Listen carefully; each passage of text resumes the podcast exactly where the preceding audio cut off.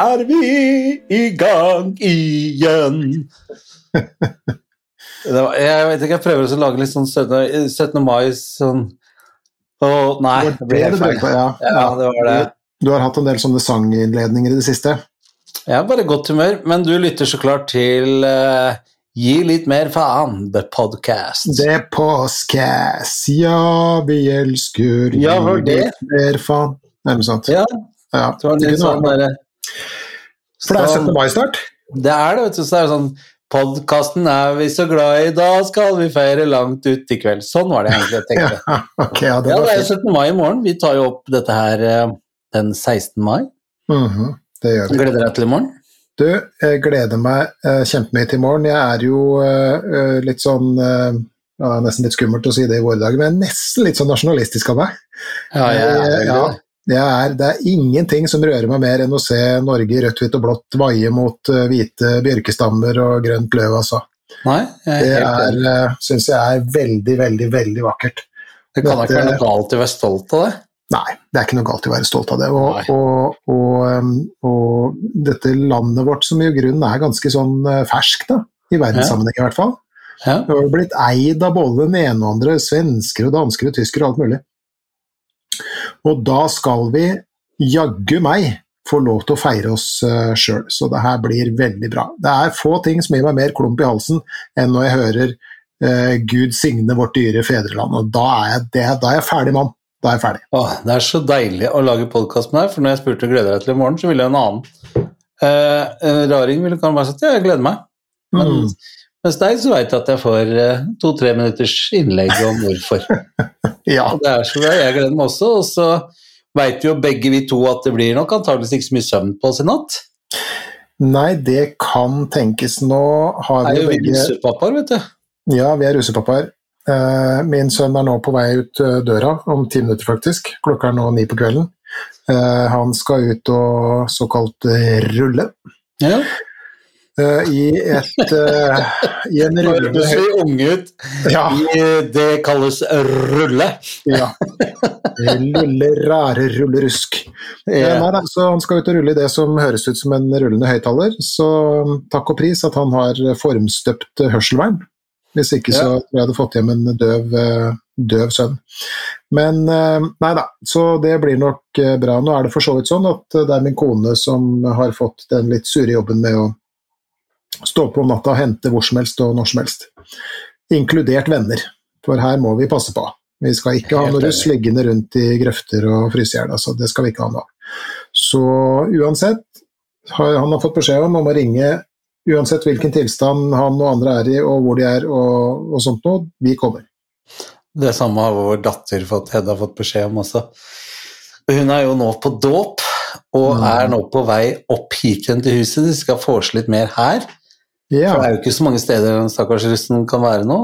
Eh, Så jeg frykter at eh, det kan i løpet av podkasten høres noen lyder De har fått beskjed om å holde seg i garasjen, men eh, i den tilstanden de etter hvert blir i etter en sånn dåp, så kan det tenkes at de ikke husker alt. Mm, ja, ja. Men dette er jo en såkalt råpodkast, så, så jeg tenker at vi skal eh, tåle det.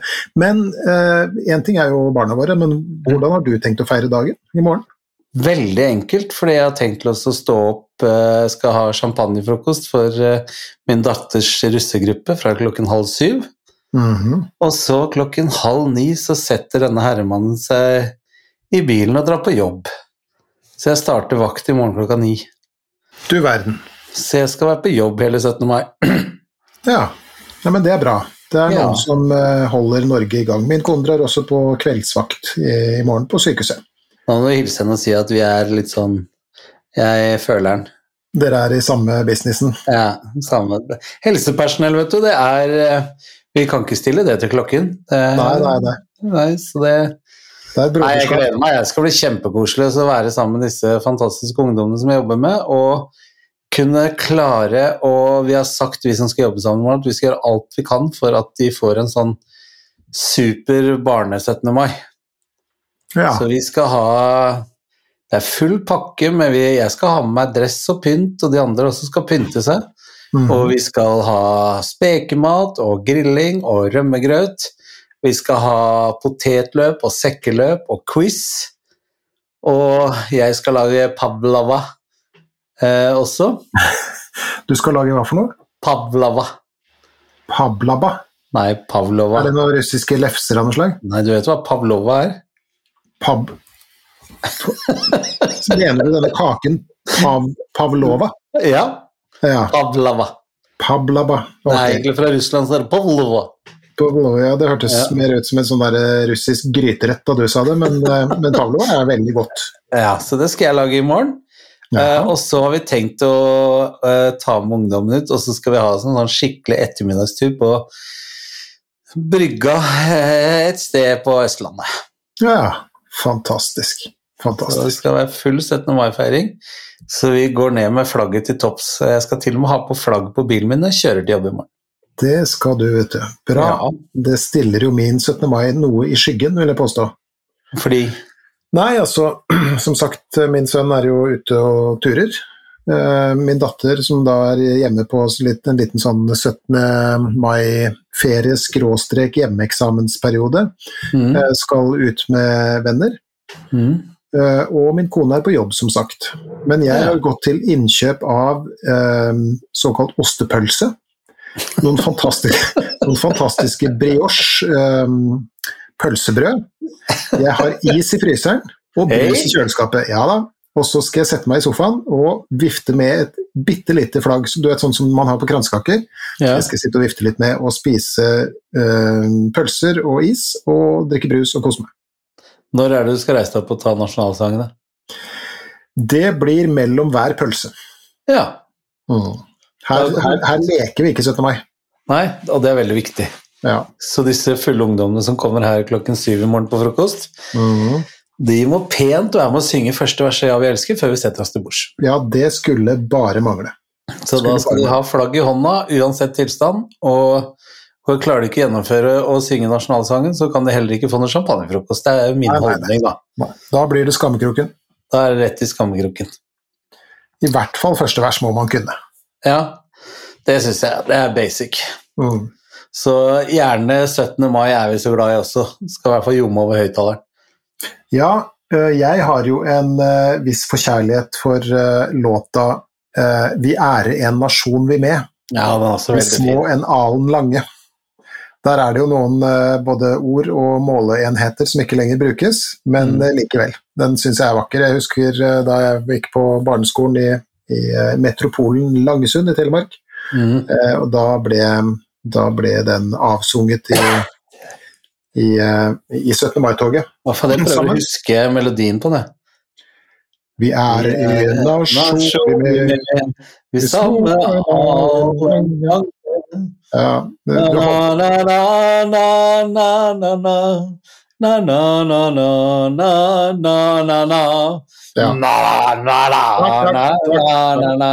ja, du holder. også, også krydrer jeg litt sånn når jeg kjeder meg, så går jeg rundt og plystrer kongesangen. Så da er jeg liksom 17. mai. Ja. Du, du hadde melodien i det. Det halta litt på selve teksten, men greit nok. Vi kan ta den etter sendinga, det nær sagt. Det var russeversjonen.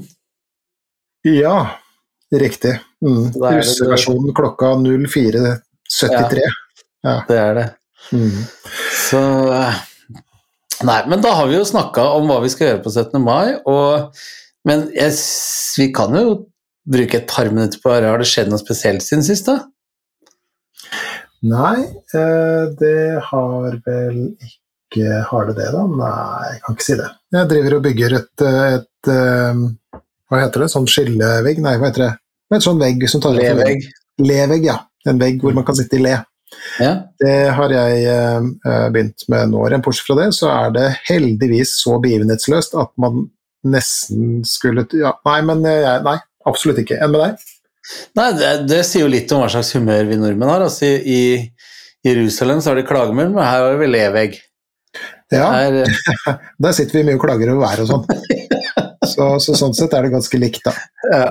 Ja. Nei, har det skjedd noe? Nei, jeg har jobbet eh, ganske mye. Mhm.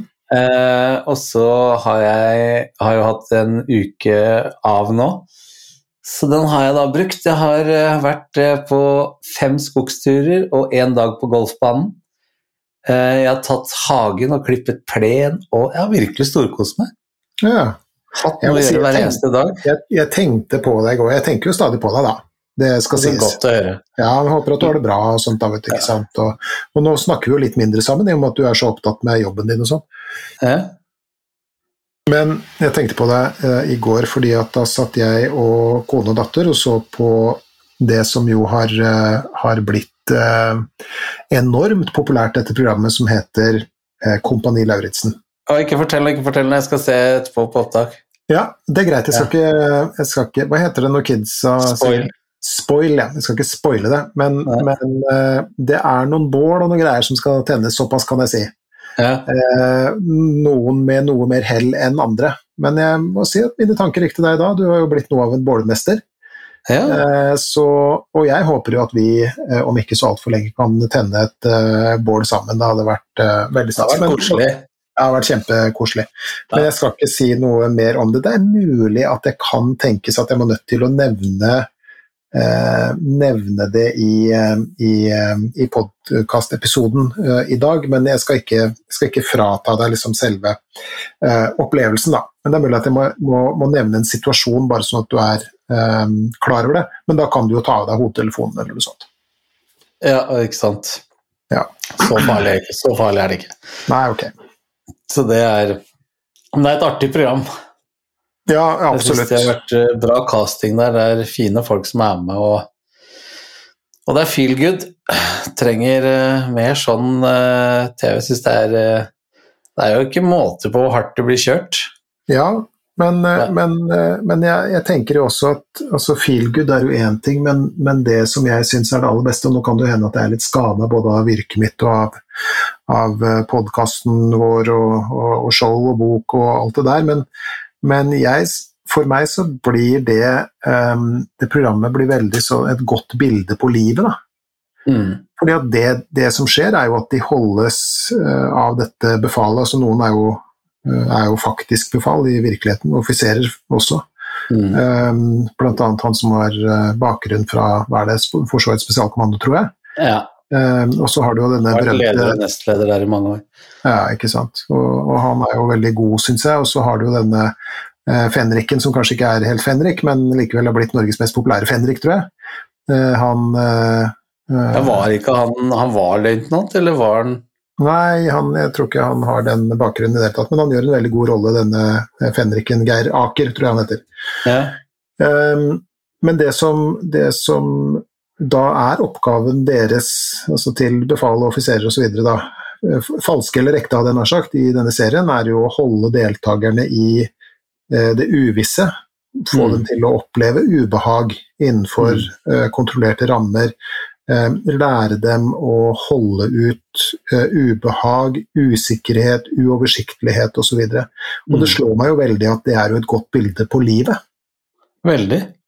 Og jeg tror jo, eller jeg ser jo også, eller får, eh, hva skal vi si, vi får jo litt sånn drypp av eh, at enkelte av deltakerne også ser den sammenligninga. sammenligningen. Og du har jo en episode foran deg nå som du ikke har sett, eh, men som, som eh, på mange vis handler veldig mye om akkurat det. Da. Så der har du noe å se frem til. Jeg skal ikke si noe mer.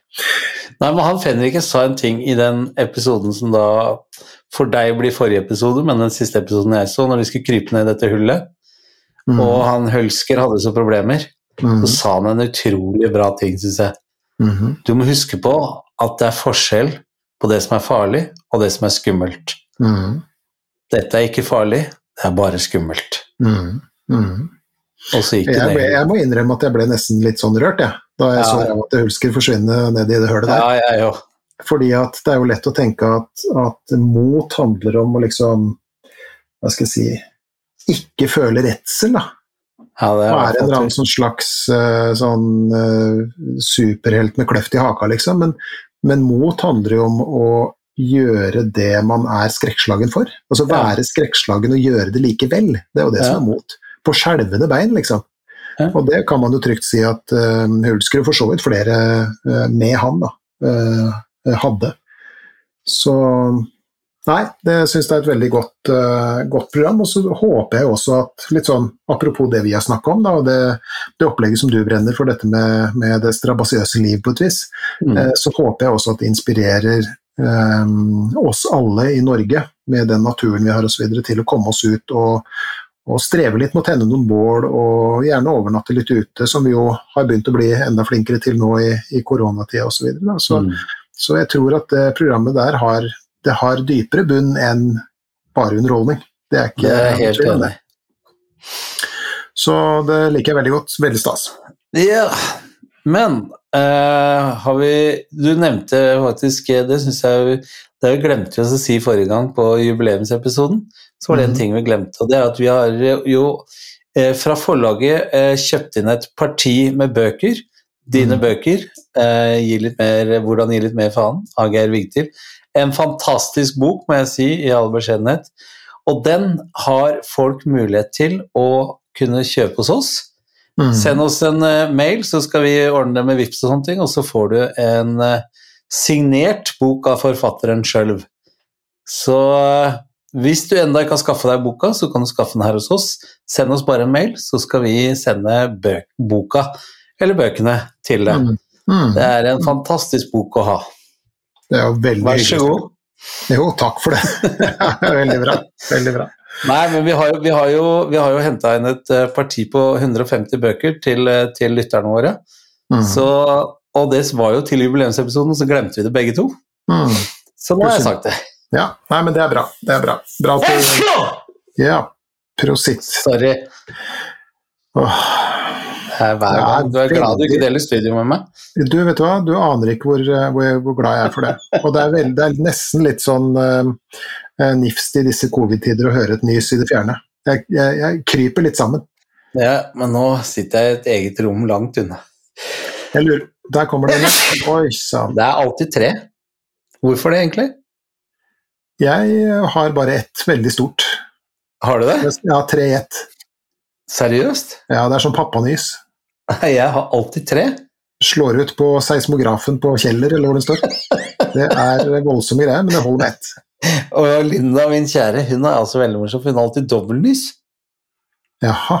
Så hun er tju-tju, sier hun. Du, ja, ok. Ja, det har jeg aldri hørt før, for å være helt ærlig. Og jeg håper jeg slipper det også nå i disse covid-tider. da. Ja. Um, bra, ok. Men vi Har vi fått noe noen e-mail, eller elektrisk post, som du velger å kalle det? Ja, vi har fått mye elektroniske brev. Det har vi virkelig. Det, eh, det er stas. Ja, ja, det er det. Det, det, det rauser inn, faktisk. Eh, og med, med, forslag til tema og med generelle betraktninger og i det hele tatt. Og, og også eh, anmeldelser, hadde jeg nær sagt. Da. Altså folk som skriver hva de mener om, om eh, om eh, de pratene våre på, på iTunes bl.a. Eller det heter jo iTunes før, nå heter det jo Hva heter det nå? Det heter Podcaster. Ja, podcaster.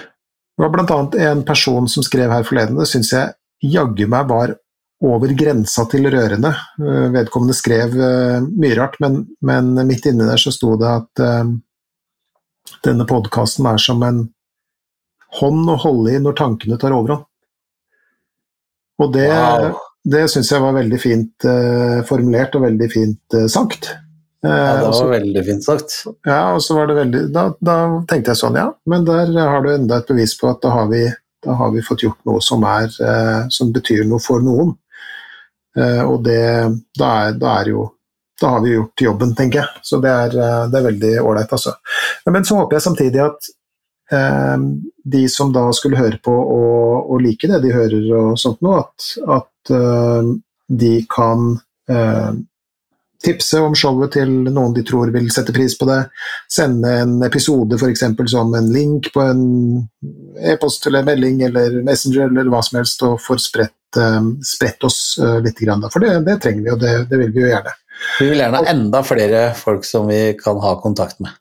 Ja, og vi, vi, passerte jo 100 000 eh, avspillinger for ikke så lenge siden, og det var jo også ganske kult. Og det er jo altså veldig sånn smått i både nasjonal og internasjonal sammenheng, men, men det betyr jo at, at uh, vi har nådd noen mennesker, og så er det jo noen som da mener at, eh, at dette, er, dette, er, verdt å høre på og tilfører hva skal vi si, livet noe, og det er jo veldig stas, da. Veldig. Tenkte har, har du noen du vil lese opp i dag, da? Ja, det er det jeg har, skjønner du. Fordi at Ja. uh, det kom et, uh, et spørsmål som jeg tenkte at jeg skulle si uh, litt grann, om. Og der, er jo, ja, og der er jo er eh, forslag til tema her, er overskriften på podkasten. Nei, på podkasten, Mm. på, på, på e-posten. Ja. Og så ber vedkommende da om å være anonym, da. Men vedkommende skriver da Noe jeg ønsker at dere skal snakke om, er hvordan man kan slutte å dagdrømme for mye. Jeg har lest at folk som har vært igjennom mye i livet, ofte har en tendens til å dagdrømme for å flykte fra livet sitt. Jeg opplever ofte at mens jeg gjør ting, så er jeg samtidig i drømmeland. Det er vanskelig å fokusere, spesielt når man sitter og leser på fagstoff. Så det kan jo være en student der, f.eks. Mm. Jeg har alltid hørt at jeg er fjern fra klassekamerater og familiemedlemmer. Når jeg er i en samtale med folk, er det også vanskelig å være til stede mentalt. Kort, summert, kort oppsummert, hvordan kan man bli bedre til å fokusere på oppgavene som må bli gjort, og hvordan kan man bli flinkere til å være til stede 100% i en samtale? Mm. Tusen takk for en fantastisk podkast, den betyr utrolig mye for meg. Gleder meg til hver eneste episode. Smilefjes, skriver vedkommende, da. Så gøy. Så ja, og det er jo en, eh, et, eh, et godt eh, forslag til, til tema. Jeg tenkte kanskje vi skulle bare ta det litt sånn innledningsvis. Fordi at det handler nemlig om et fenomen som er helt sentralt i det vi kaller metakognitiv terapi, Mm. og som også har vært helt sentralt i det arbeidet du og jeg f.eks. har gjort, uh, gjort sammen. Og det er jo det som uh, kalles uh, oppmerksomhet. Mm. Har du noe erfaring med at oppmerksomheten kan vandre litt, eller? Heldigvis aldri opplevd, altså. Du har aldri det, nei? Nei, nei du er jo et unikum. jo, jeg, eh, jeg hørte at det var et ledende spørsmål. Det Ja, altså, det, det du kjenner meg jo godt, så det er jo ikke så mange som kjenner meg noe særlig bedre enn du kjenner meg nå, tror jeg. Så da vet du at svaret på det er eh, rungende klart og høyt ja. Mhm. Eh, Men jeg syns også at eh, jeg til tider jobber veldig bra med å øve på å ikke la det få all fokusen min. Mhm. Hvordan da? Jeg er øh, Jeg øver meg på å være mer til stede her og nå. Det der hørtes jo litt sånn klissete, mindfullt eh, ut, men hva, hva legger du i det? Det jeg legger i det, er jo at, eh, som vi har snakket om i, i mange andre vendinger og måter og situasjoner, men tanker kommer jo og går hele tiden. Mm. Og noen ganger føles det nesten ut som det er kø på tanker som skal inn. Eh, og det har jeg jo øvd meg på å eh, ja, eh, akseptere i litt større grad enn jeg har gjort. Altså, jeg har øvd meg på å få en holdning til at det er greit. Mm. Det får jeg ikke gjort noe med, så noen ganger så kommer det masse tanker, andre så er det heldigvis flere sekunder mellom hver. Men så kan man jo tenke deg at la oss si at du er student, da. Mm. La oss Si at du er en ung student, og så sitter du og skal studere, og så vandrer tankene hele tida. Mm. Har du noe har du noen tanker om det? Har du noen tips eller råd, du? Ja, jeg, jeg, jeg vil jo si det at dagdrømme, eller om det er eh, bekymring eller grubling eller alle de tingene som vi har snakket om før, så er det for meg i hvert fall så gjelder mye den samme øvelsen, og det er å akseptere at eh, den drømmen eller den tanken kommer, men også gi ganske klar beskjed til den tanken eller drømmen eh, at eh, akkurat nå har jeg ikke tid til å fokusere på deg, men vi kan snakkes klokka åtte i kveld. Mm. Ok, så det er den derre den, den overtenkingstida som vi snakker mye om, den kan også bli dagdrømmetid, er det det du sier? Ja, uten tvil. Men jeg Ok. syns jo at dagdrømming høres litt sånn eh, fin Altså, det høres ikke ut som noe sånn eh, Jeg tenker ikke på da, Når jeg dagdrømmer, så tenker jeg ikke på det som like slitsomt eller like vondt som eh, eh, negative tanker som jeg har i form av, av grubling eller bekymringer, altså frykt og hva kan komme og hva skjer og, og sånt, på, på Mm. samme måte. Jeg opplever det litt som sånn Men jeg forstår jo veldig godt at jeg noen ganger så Jeg hadde faktisk en episode akkurat rett før vi skulle gå i opptak. Mhm. Så hadde jeg en liten skål, men når jeg har tatt liksom sånn skal kose meg her sammen med deg, så tar jeg med meg en skål med fire-fem sånne små vingummi-godbiter. Mhm. Og så har jeg med meg et glass Cola Zero, og så skal jeg kose meg på, på podkast sammen med deg. Og da en skålen sto ved siden av glasset, så tenkte jeg nei, jeg må fylle opp det glasset helt med Colasero, sånn at jeg har det gjennom hele, gjennom hele episoden. Og tar meg selv i å fylle skålen med godteri med Cola Zero. Oi. Så tankene mine var et helt annet sted, for jeg tenkte da hva vi skulle snakke om, og jeg er spent på de, det temaet som, som du etter hvert skal nevne også. Mm. Uh, og jeg sto og tenkte på det, og konsentrerte meg altså ikke om hvor jeg skulle helle den brusen. Mhm. Mhm. Ja, hjerner er, er pussige. Det er ikke Ja. alltid de fokuserer på det vi har lyst til å fokusere på, for å si det sånn. Ja. Jeg tenker jo når jeg leser denne e-posten, altså vedkommende skriver at jeg har lest folk som har vært igjennom mye i livet, ofte har en tendens til å dagdrømme for å flykte fra livet sitt. Ja, kanskje, og kanskje ikke, hva vet vi. Eh, Mm. Men jeg tenker at det spiller heller ikke så, så mye rolle hvorfor eh, vi eh, eller kanskje enkelte av oss da har en tendens til å, å, å dagdrømme, som, som vedkommende skriver her. Og så er det litt sånn som du også eh, sier, at eh, ja, er det dagdrømming, eller er det liksom at man blir opptatt av andre tanker enn en, eh, hva skal, jeg si da? At man blir opptatt av tankene sine istedenfor situasjonen man er i. da. Mm. Eh, fordi at eh, vedkommende skriver at jeg opplever ofte at mens jeg gjør ting, så er jeg samtidig i drømmeland. Det er Mm. vanskelig å fokusere. Eh, og, og, og det er jo et kjent eh, fenomen. Vedkommende skriver jo også noe om at det er spesielt vanskelig når jeg sitter og leser på eh, fagstoff.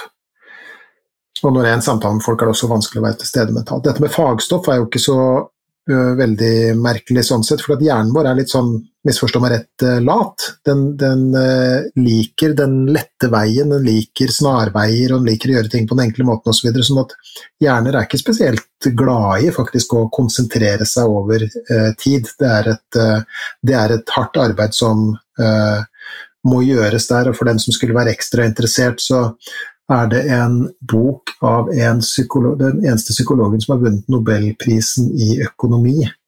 Eh, og han heter Daniel Kahneman og har skrevet en bok som heter 'Thinking Fast and Slow'. Tenke fort og langsomt eh, på norsk, da, altså direkte oversatt, med andre ord. Eh, der, og Den får du på i bokhandelen for en slikk og ingenting eh, nå for tida. Den er veldig god med tanke på det å skulle eh, forklare hvorfor eh, hjernen vår ofte velger den litt sånn lette veien. Da. Mm. Eh, og altså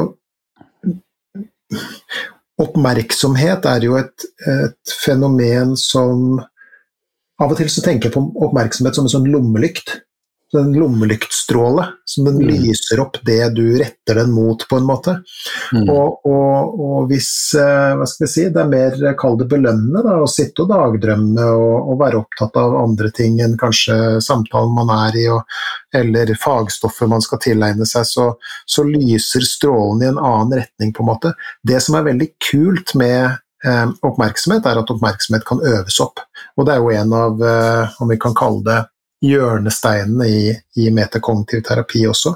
Så det jeg kan gjøre er, altså det er noe Innenfor eh, MCT så er det noe som eh, kalles attention, altså ATT, Attention Training Therapy. Eh, oppmerksomhetstrening da, på godt, eh, godt eh, norsk. Akkurat innenfor MCT så er det en, eh, en eh, lydfil man starter med, hvor man veksler oppmerksomheten sin mellom forskjellige lydinntrykk og sånt. Det er veldig moro å, å holde på med og, og det er forska masse på det osv. Og, jeg tenker jo at hvis denne personen som har skrevet um, inn til oss, eh, har lyst til å gjøre seg noen erfaringer med hvordan man regulerer og kanskje til og med trener opp oppmerksomheten sin, så kan det være et godt sted å, eh, å begynne Mm.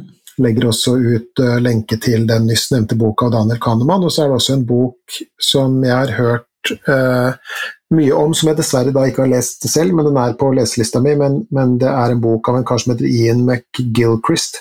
Som uh, boka heter uh, 'The Master and His Emissary', med undertittelen 'The Divided Brain and the Making of the Western World'. Dramatisk uh, nok, da. Yeah. Den handler om, om, mye av det samme, dette med hvordan hjernen vår fungerer og osv. Så, videre, så det kan jeg også legge ut en, en link til, um, for så vidt. Men det er heldigvis eh, sånn at uh, oppmerksomheten vår kan uh, trenes. Det er jo det vi gjør f.eks. når vi jobber med mennesker ikke sant? og skal jobbe med veiledning og sånt, og så, så, må vi trene oppmerksomheten vår både til å være til stede og til å lytte til bestemte fenomener.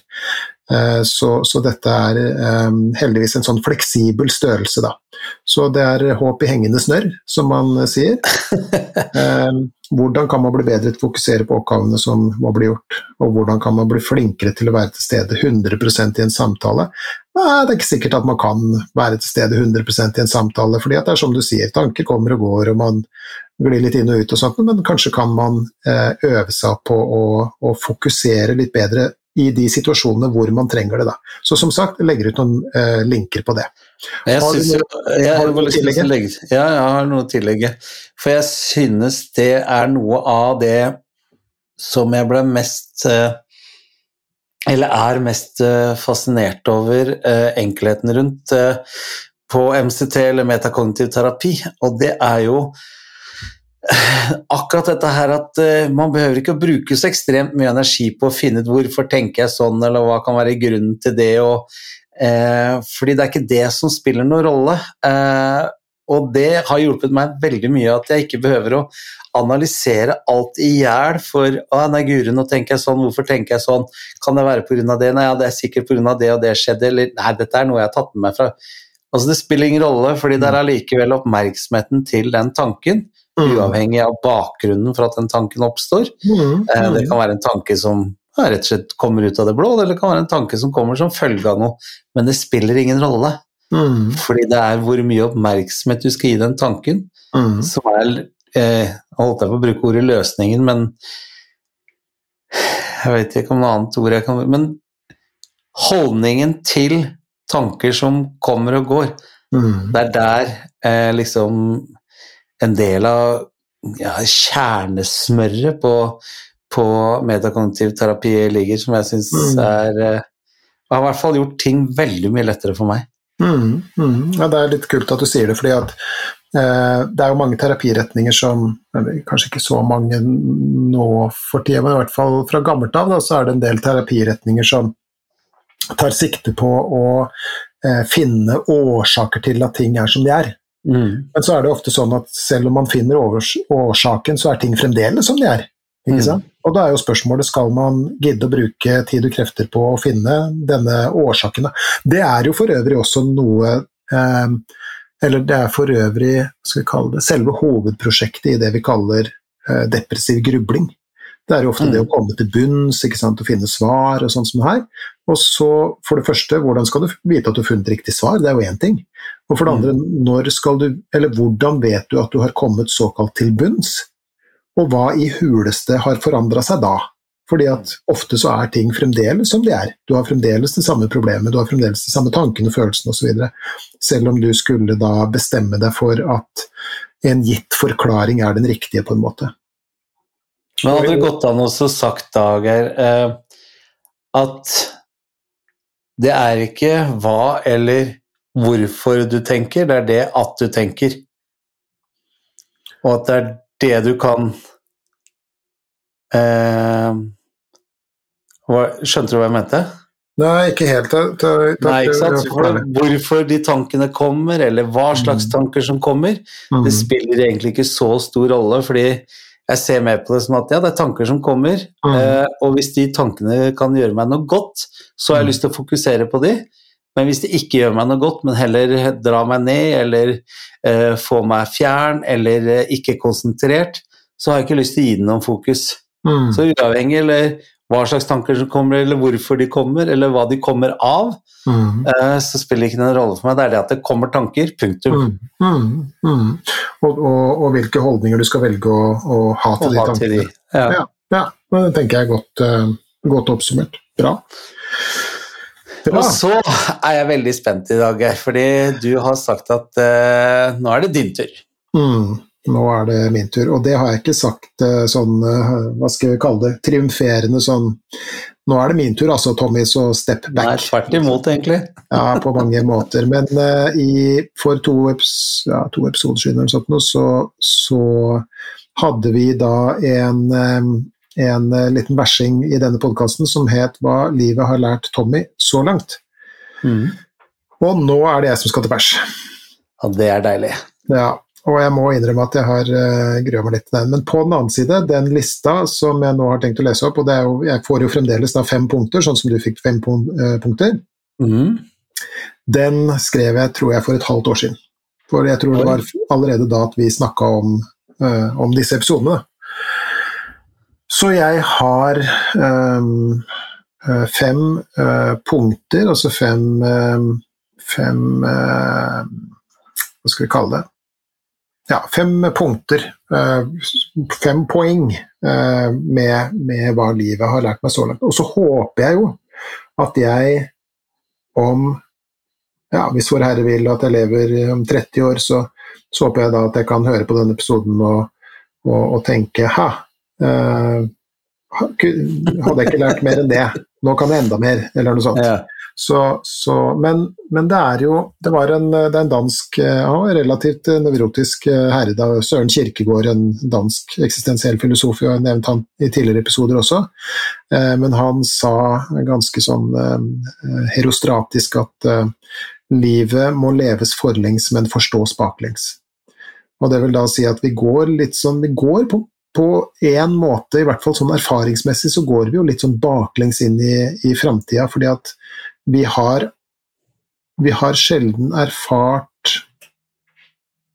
Vi har sjelden erfart de tingene vi møter eh, fullt ut før, på en måte. Altså vi innhenter mm. erfaring mens vi går denne rare veien som vi kaller livet, da.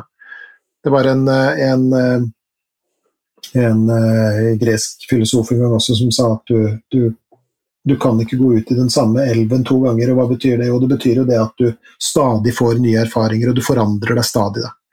Men nå i en alder av, av 51 år, og med de erfaringene som jeg har, så, og, og med den begrensninga, dessverre Jeg skulle jo gjerne satt opp 100 punkter, selvfølgelig.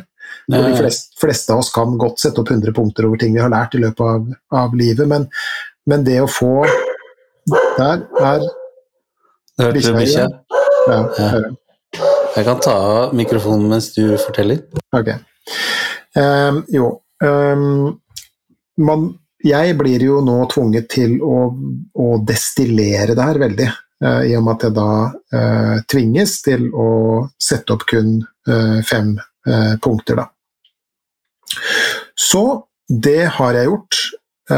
og det jeg tenkte jeg skulle starte med, var um, punkt én, pussig nok.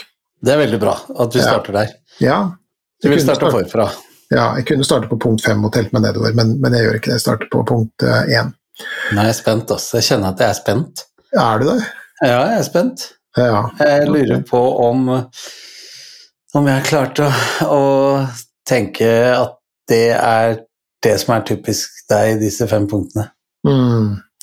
Jeg tror kanskje, eller jeg håper i hvert fall, at du vil se at disse punktene har på mange måter vært nevnt før i denne podkasten. Eh, og jeg tror også at det er et slags sånn tema som går som en rød tråd gjennom alle punktene. Jeg håper i hvert fall det. Eh, så vi får se. Det er, helt, er, er fascinerende at vi kan bruke fire og et halvt minutt på å fortelle at nå kommer det noen punkter. Ja, ja. ja Der er vi gode. Ja. Der er vi gode. Kjør på! Jeg venter. Punkt én. Punkt én. Mm. Snakk sant. Og så kan man tenke hva, hva slags uh, selvsagt skit er det her? Men mm. det er uh, så uh, grunnleggende at det nesten blir en sånn uh, floskel. Mm. Men du vet at uh, barn de lærer jo tidlig at de kan og Det viser seg også faktisk, eh, hvis du ser litt nærmere på det her, at det, er, at det også er de mest eh, ja, kall det intelligente barna da, som lærer seg tidligst å ljuge. Mm. Og det som er så utrolig fint med ljuging, er at det er en slags fribillett. Mm. Ikke sant? Det er sånn uh, uh, Hva er det de kaller det i monopol? Sånn slippe ut av fengsel-kort. Ja. Ikke sant? Du kan bare dra det kortet, uh, og så slipper du unna. Så, så barn lærer tidlig at de kan hva skal vi kalle det da, manipulere virkeligheten gjennom, gjennom løgn. ja. Men det som er, også er problemet, er at som en kar som vi skal snakke mer om eh, i senere episoder, eh, har sagt, Jordan Peterson, denne, denne kanadiske psykologiprofessoren, og, og forfatter og foredragsholder osv., han har sagt at det er så mye av virkeligheten og så lite av deg. Sånn at du vil alltid tape mot virkeligheten. Mm. Og det er jo det som Det er jo det man ofte hører folk som eh, har øvd mye på å ljuge, da. Mm. De blir bedre til å ljuge på den måten at de tyr stadig raskere til løgn, nettopp for å slippe unna. Men det som Mm. er problemet, er at løgn og virkelighet eh, står ikke i forhold til hverandre. Ikke sant? Det er en slags sånn forskyvning de to imellom, og det betyr at du får stadig større vansker med å, å få virkeligheten til å stemme overens med løgnen.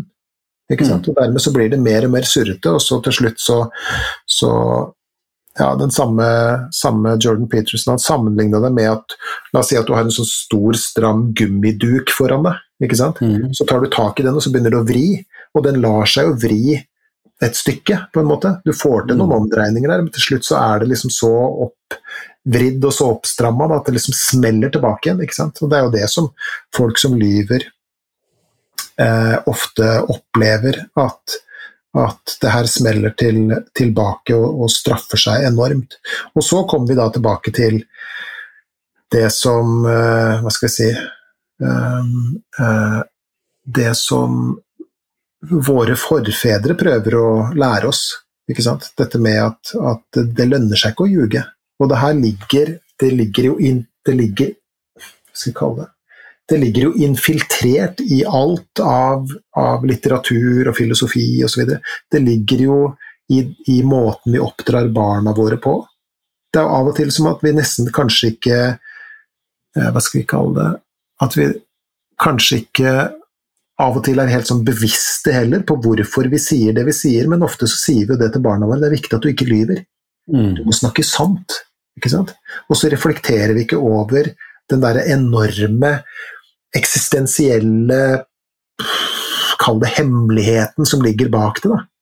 Det derre superviktige punktet om at du, at du, du kommer Du vil leve et best mulig liv dess mer sannferdig du er i din framferd. Og det er jo noe av et eksperiment også, det der med å være sannferdig. Det å, å, å snakke Det å snakke sant kan være ganske mm, skummelt, Mm. ikke sant? Fordi Jeg har øvd mye på det, altså. du har øvd mye på det, ja. Ja. Vil du fortelle litt? Nei, jeg syns ikke jeg var flink nok til å, å forholde meg til sannheten. Nå har jeg aldri vært noe sånn Aldri ansett meg selv som en sånn storløgner, men øh, kanskje øh, tendenser til å være litt vel kjapp med sånne små hvite. Mhm.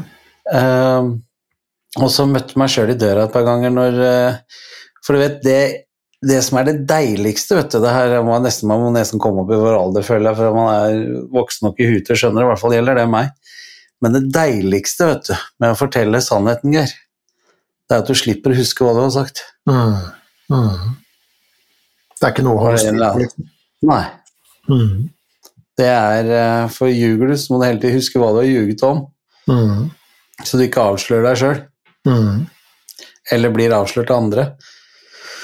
Så jeg, eh, jeg har en sånn liten eh, hvit eh, liten sånn artig mini-Tommy på skulderen som, som støtt og stadig minner meg ah, ah, ah. Det er ikke helt uh, fakta, det du sier der. Mm. Og så justerer jeg meg. Mm. Uh, og ikke bare det, ikke bare at du slipper å huske hva du har sagt, men du er ganske fornøyd med at du ikke har løyet også. Mm. Ja, for hva er det for noe? Altså, det er jo en slags sånn, det ligger en slags sånn eh, tilfredsstillelse der, eller en slags sånn belønning. Eh, en, en slags sånn pers... Jeg vet ikke riktig hvordan Men det er, det er jo en god følelse å ikke Ja, ha, ha løyet. Jeg, jeg lurer på hva det handler om.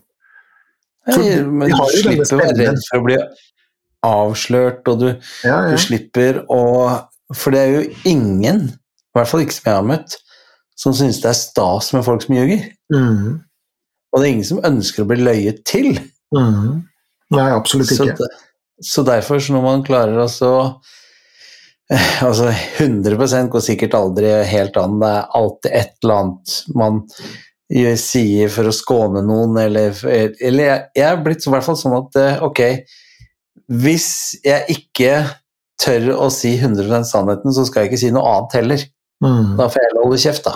Mm. Mm. Ikke sant? Mm.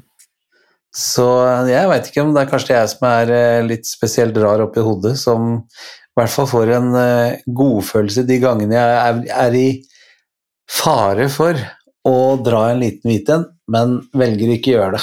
Mm. Ja, for det er jo som om vi har en liten stemme inni oss som sier Mm. at hei, vent nå litt, det her er ikke, det her er ikke riktig, det du sier nå. Ikke Mm. sant? Og så får vi denne vonde følelsen. Får litt vond dårlig, litt sånn dårlig samvittighet, på en måte. Mm. Og der har det jo litt som vi snakka om eh, for noen episoder siden også. Eh, Mm. Heter det episode i podkast, forresten? Ja, jeg tror det. Ja, ok. For noen Hva episoder annet het det hett? Nei, jeg vet da søtta det. På, jeg vet da faen, jeg, jeg har ikke peiling. Men det blir uansett vi kaller episode. Um, eh, for noen Søttan, gitt. Det Ja. ungdomsspråket søttan. Ja, Jeg vet da søttan. Ja. Nei um, Var? Det var, en bra, det var et bra punkt. Ja, riktig. Ok, så uh, jeg skulle Jeg hadde et uh, poeng her, skjønner du. Jo, jo, jo. Vi, snak, jo, vi snakka om dette med skam og skyld og dårlig samvittighet og sånt. Ja. Og, og du kan kalle, vi skal kalle det litt sånn følelsers signaleffekt. da. For, Mm. for altså, hvis følelser ødelegger for mye for oss i hverdagen, bare er til Mm. hinder og, og, og sånn over tid, så, så kan man jo Og det har vi er jo noe jeg jobber mye med eh, både selv og med, mine eh, pasienter eller klienter, og vi har jobba med det og sånt noe. Dette med å når, det ikke er noe poeng i å lytte til disse følelsene, så trenger vi heller ikke gjøre det, på en måte. Nei.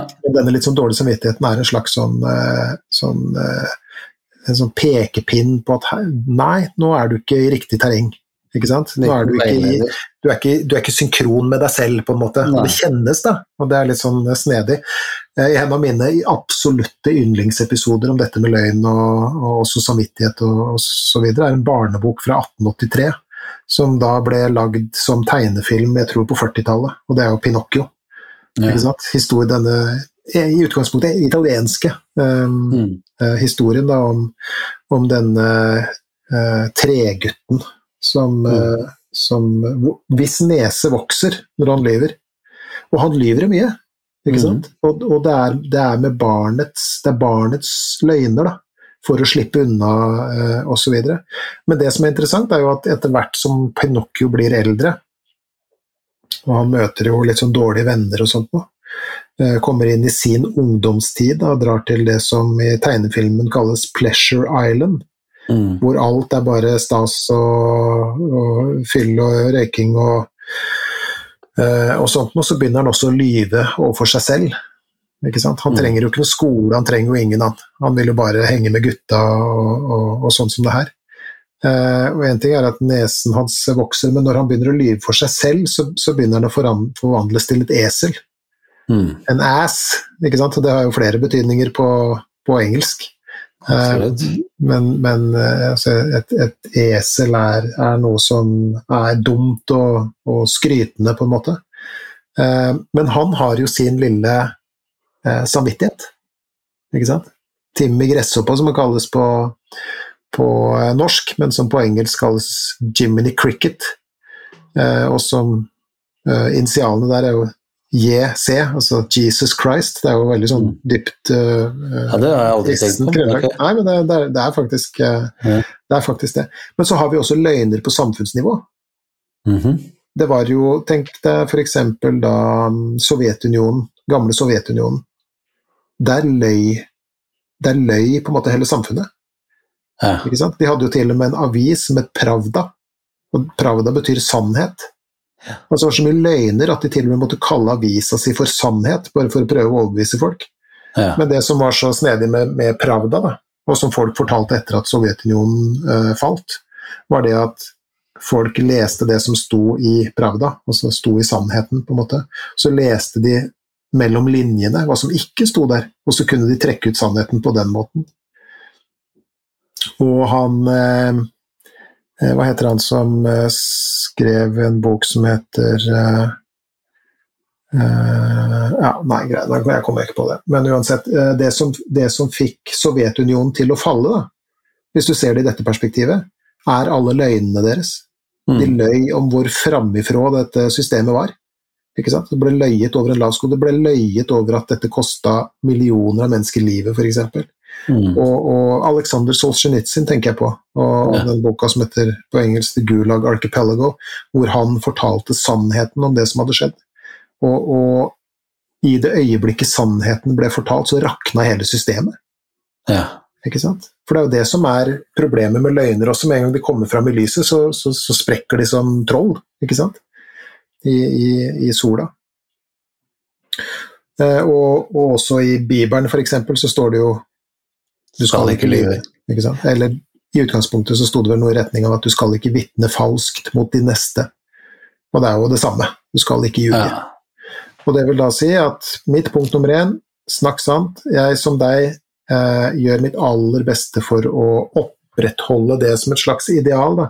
Og det betyr faktisk også eh, eh, å snakke sant eksempel i jobbsammenheng, på en måte. Altså det å, det å Jeg vet ikke helt hvordan jeg skal forklare det her, men, men det å ikke pynte på ting. Ja. Men si det som det er, og være ærlig. Eh, og og løfte, løfte sannheten fram så godt du kan. Da. Det er et, eh, et slags sånn eh, ideal for meg. Og så har jeg som andre ikke vært i det terrenget før. For det er så lett å slippe unna med, med løgner, ikke sant. Eh, Men etter at jeg ble mer voksen og begynte å ta det her inn. Og det betyr ikke at jeg er noe helgen, det er ikke det jeg prøver å si, i det hele tatt. Men, men, men det, er, det har blitt et veldig viktig prinsipp for meg. Eh, Fordi at det ser ut til å være et prinsipp som er innvevd i selve virkeligheten, på en måte. Den, den er en del av virkeligheten. Og når du, når du lyver, så, så, så manipulerer du virkeligheten, og det kommer du aldri særlig langt med. Nei. Og så er spørsmålet på samfunnsnivå hva lyver vi om i Norge? Men den diskusjonen skal vi ikke Nei, det, så mange episoder har vi ikke tilgjengelig. Nei, det, det har vi ikke. Men, eh, men i hvert fall, eh, man skal være forsiktig både på individnivå og på samfunnsnivå og lyve Mm. og, og snakke usant, for det eh, vil alltid straffe seg på en eller annen måte. Så det var mitt punkt nummer én. Ja, da er jeg spent på punkt nummer to. Punkt nummer to. Dette er uh, igjen da noe som uh, som har blitt, uh, blitt viktig for meg i litt sånn moden alder. Og som jeg skulle ønske på mange måter at jeg hadde fått innsikt i før, da. Nei. Hæ? Nei. Nei, hva da? Du skulle ikke ønske det. Hvorfor skulle Hadde du hatt eh, større innsikt og større klokskap og sånne ting da du hadde vært yngre, så hadde du ikke blitt den Geir som du er i dag, som er veldig bra. Det var veldig snilt og støttende sagt, og det er antagelig også sant. Ja. Eh, For igjen, da lever må, livet må leves forlengs, men, men forstås og erfares baklengs. Mm. Eh, Men i hvert fall, det her er noe som har eh, tilført meg noen form for hva skal vi si, det, det har tilført meg noe i litt mer sånn voksen alder. da. Mm. Og det er eh, følgende, altså punkt to, motivasjon er oppskrytt.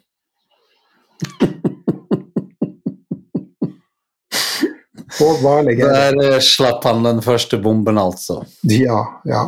Motivasjon. Jeg hører folk snakker om motivasjon. Ja, men det må jo må, må, jeg, må, jeg, må, vente på motivasjonen, eller du må vente på motivasjonen for å håpe du blir motivert osv. Kanskje du skal gå dette motivasjonskurset. Mm. Eh, og så har man jo i, i, eh, i en uh, større organisasjon, hvis navnet jeg ikke skal nevne, så hadde man jo um, såkalte motivasjonskurs mm. for sine, kall det klienter, da. Men det som var noe av problemet, var at folk uh, ikke kom. For de var ikke motiverte for å dra på motivasjonskurs. Uh, og, og hvis vi Altså, det som er poenget mitt her Vi, har, vi snakker jo mye om tanker og følelser og sånt nå. Mm. Motivasjon er en følelse. Og hvis mm. du tenker at Eller hvis jeg, da, skal på en måte håpe på, eller kanskje til og med forlange å ha en viss eller en gitt følelse inni meg hver gang jeg skal gjøre et eller annet. Bare ta det enkle prinsippet at du skal jeg vet ikke, på trening, da. Ikke sant? Mm. Så kan man tenke ja, men eh, jeg, jeg, er ikke, jeg, er ikke, motivert for det. Men igjen, motivasjon er en følelse, og følelser de kommer og går. Det vil da si at det vi kaller motivasjon, det vil variere over tid. Og det vil da si at du er prisgitt en viss følelse for å kunne handle. Er du med på det? Mm. Det som er litt kult, er at ordet motivasjon kommer fra en eh, sånn latinsk eh, grunnstamme, nærmest. Ordet movere. Mm. Og det ordet betyr eh, bevegelse. Mm. Noe som igjen betyr at handling kommer forut for motivasjon. Og det vil da si at du trenger ikke mer motivasjon, du trenger mer handling. Mm. Og jeg, for eksempel, da. Jeg er ikke spesielt glad i å trene, for. Nei. Eller sånn som du Vi hørte jo hunden din bjeffa i stad. Ikke sant? Mm. Ikke, jeg antar at det er ikke hver dag du har fryktelig lyst til å ut i sludd og regn og gå tur med det beistet der. Ikke sant? Mm. Men det må gjøres. Ja. Og det vil da si at du velger handling foran det å skulle være motivert for å gå tur med, med, med hunden din. Eh, det er en fyr som jeg liker ganske godt. Jeg tror at du har vært borti han eh, du også. Han er en sånn eh, ja, Det er jo en skrue det her òg, da. Men han er eks-Navy Seal. Joko Willink. Mm. Vært borti han? Mm. Ja, han har jo podkast, uh, han også betydelig større enn en, en oss, selvfølgelig. Men, men han um, har jo jobba i militæret i, i, mange år, og det her er en av hans hovedpoeng, uh, faktisk. Han, et av hans mest berømte sitater er jo at 'disiplin er det samme som frihet'. Så han mener jo da at disiplin, det å gjøre noe til tross for f.eks. da det vi kaller negative følelser, vanskelige følelser, fæle følelser knytta til det vi skal gjøre, det gir eh, frihet. Så han mener jo da at man ikke kan, og verken kan eller skal, stole på, på det vi kaller eh, motivasjon, men at vi må lene oss på disiplin. Og så høres jo disiplin litt sånn moralsk ut på, én måte, og det er jo ikke meninga i det hele tatt. Men hvis man bare skal si, eh, forholder seg til Eh, eh, prinsippet, da. Mm. Dette med at eh, Nei, jeg har ikke tenkt å vente til jeg har denne følelsen av, kall det lyst, inni meg til å gjøre det. Jeg skal gjøre det likevel. Det mener han uh, uh, gir uh, frihet.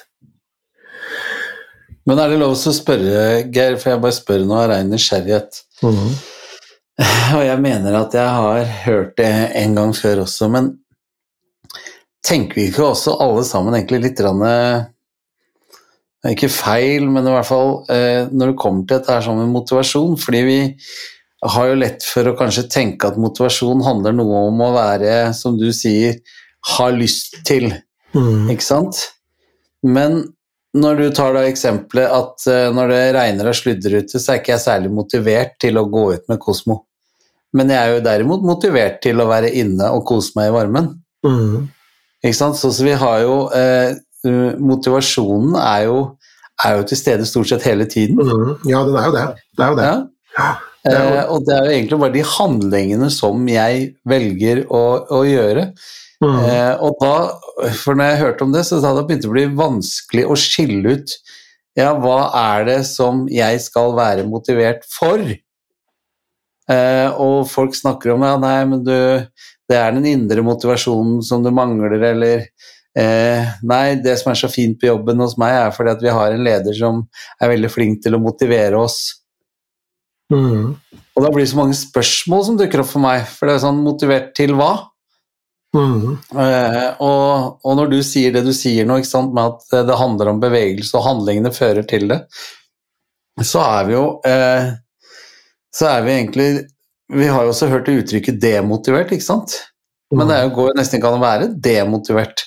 For at hvis du ikke er motivert til å gå ut til sludd med bikkja di, så er du motivert til å sitte inne og se på en Mm. Netflix-serie.